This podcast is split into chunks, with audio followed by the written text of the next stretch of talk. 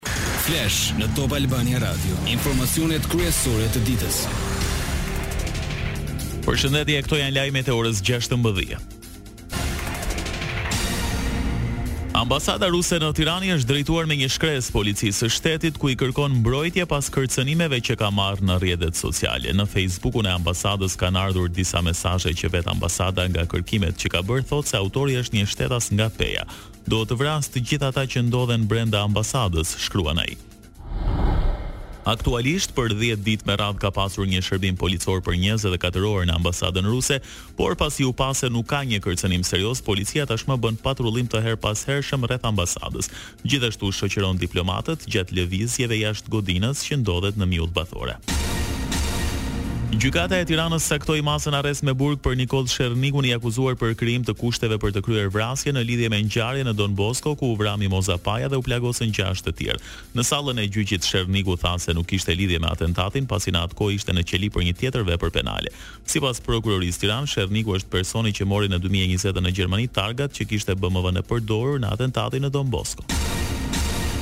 Popullsia e vendit në moshë pune, pesëmbëdhjetë deri në gjashtëdhjetë e katër vjeç, është duke u tkurrur me ritme më të shpejta. Sipas të dhënave të INSTAT, më një janar dy mijë e njëzet e tre pësoi rënie me një pikë tetë për qind. Popullsia në moshë pune u reduktua me rreth njëqind e një mijë persona në krahasim me vitin dy mijë e nëntëmbëdhjetë. Rënien më të fortë shihet ta ketë grupmosha njëzet deri në njëzet e katër vjeç me më shumë se shtatëmbëdhjetë për qind, që nga viti dy mijë e nëntëmbëdhjetë, çka reflekton emigracionin e lartë të të rinjve.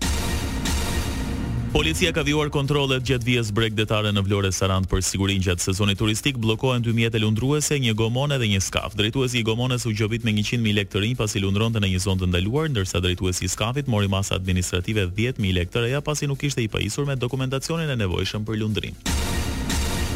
Një turiste polake ndërroi jetë në Durrës pasi ra nga pallati ku ishte akomoduar për pushime. Sipas policisë, ngjarja ka qenë aksidentale. Pesëdhjetë e pesë vjeçarja polake ra nga kati i gjashtë i një hoteli në zonën e plazhit. Lajme nga rajoni.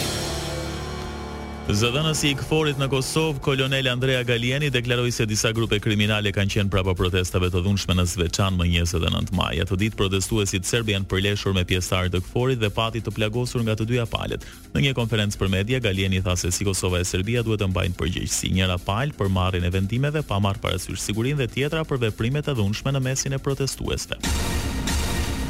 Burime në Bashkimin Evropian konfirmuan se pezullimi i liberalizimit të vizave për Kosovën që është përmendur si mundësi në media pas rritjes së tensioneve në veri të vendit nuk është opsion, por të njëjtat burime kanë pranuar se edhe në BE po shqyrtohet mundësia e marrjes së masave ndaj Kosovës në rast se vazhdojnë të shpërfillen kërkesat për gjetjen e një zgjidhjeje për t'i kthyer serbët në institucionet lokale në veri. Lajme nga bota. Tre persona përfshirë dy nxënës mbetën të plagosur pas sulmit në një shkollë private në Devon të Anglisë. I dyshuari për sulmin është një gjashtëmbëdhjetë vjeçar që u ndalua dhe ndodhet në paraburgim. Ndonëse tarifa për një vit arsimor arrin në njëzet e tetë mijë paund, siguria në këtë shkollë nuk arriti të parandalonte sulmin. Shenjat e një lufte civile mes vetë rusëve janë shfaqur në rajonet ukrainase që Moska ka arritur të pushtojë me mercenarët e Wagner që gjithnjë e më shumë po përplasen me ushtrinë e Putin. Së fundmi në rrjet është bërë virale një video ku një kolonel rus tregon se mercenarët e Wagner po rrëmbejnë, përdhunojnë dhe torturojnë ushtarët e Putin. Nënkoloneli Roman Venevitin pretendon se është torturuar nga njerëzit e Yevgeny Prigozhin.